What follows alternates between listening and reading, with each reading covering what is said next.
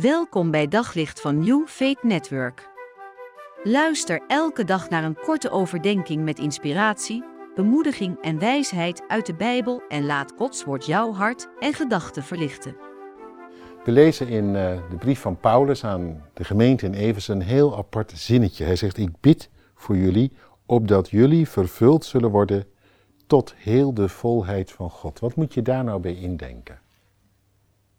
Zijn dat soms mensen die in een klooster gaan en dan de hele dag met God bezig zijn, aan Hem zitten te denken, met een boekje aan een hoekje zitten te mediteren en zo steeds voller worden van God, die een beetje beginnen te zweven met hun hoofd in de lucht, in de wolken, maar niet meer echt van deze aarde? Is dat vervuld met de volheid van God? Je zou het een beetje denken. Maar ja, dan is het iets voor hele bijzondere mensen. Dan is het niet voor die gewone mensen daar in Eversen, die gewoon hun werk hadden en hun job en verantwoordelijkheden en een gezin en weet ik niet wat allemaal. Net al die dingen die wij ook hebben. En toch, het wordt voor die mensen gebeden. Niet voor kloosterlingen of voor mensen die de hele dag zich kunnen permitteren te mediteren. Maar gewone mensen, vervuld met de volheid van God. Wat is dat? Dat is iets heel moois.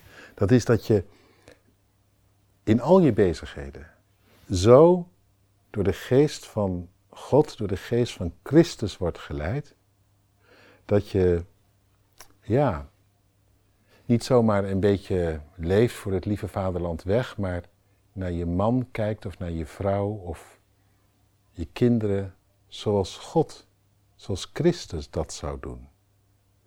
En dat dat dan de toon aangeeft. Ook als de ander tegenvalt, of als die kinderen nou, dwars zijn. En met je collega's, op je werk. Stel je voor dat Jezus nu op dat kantoor zou zijn. Hij is er eigenlijk door zijn geest in jou. Hoe doe jij dan? Wat betekent dat voor de omgang met anderen, maar ook voor de beslissingen die je neemt? Hoe, uh, hoe ga je dan met uh, de mensen om die bij jou in dienst zijn?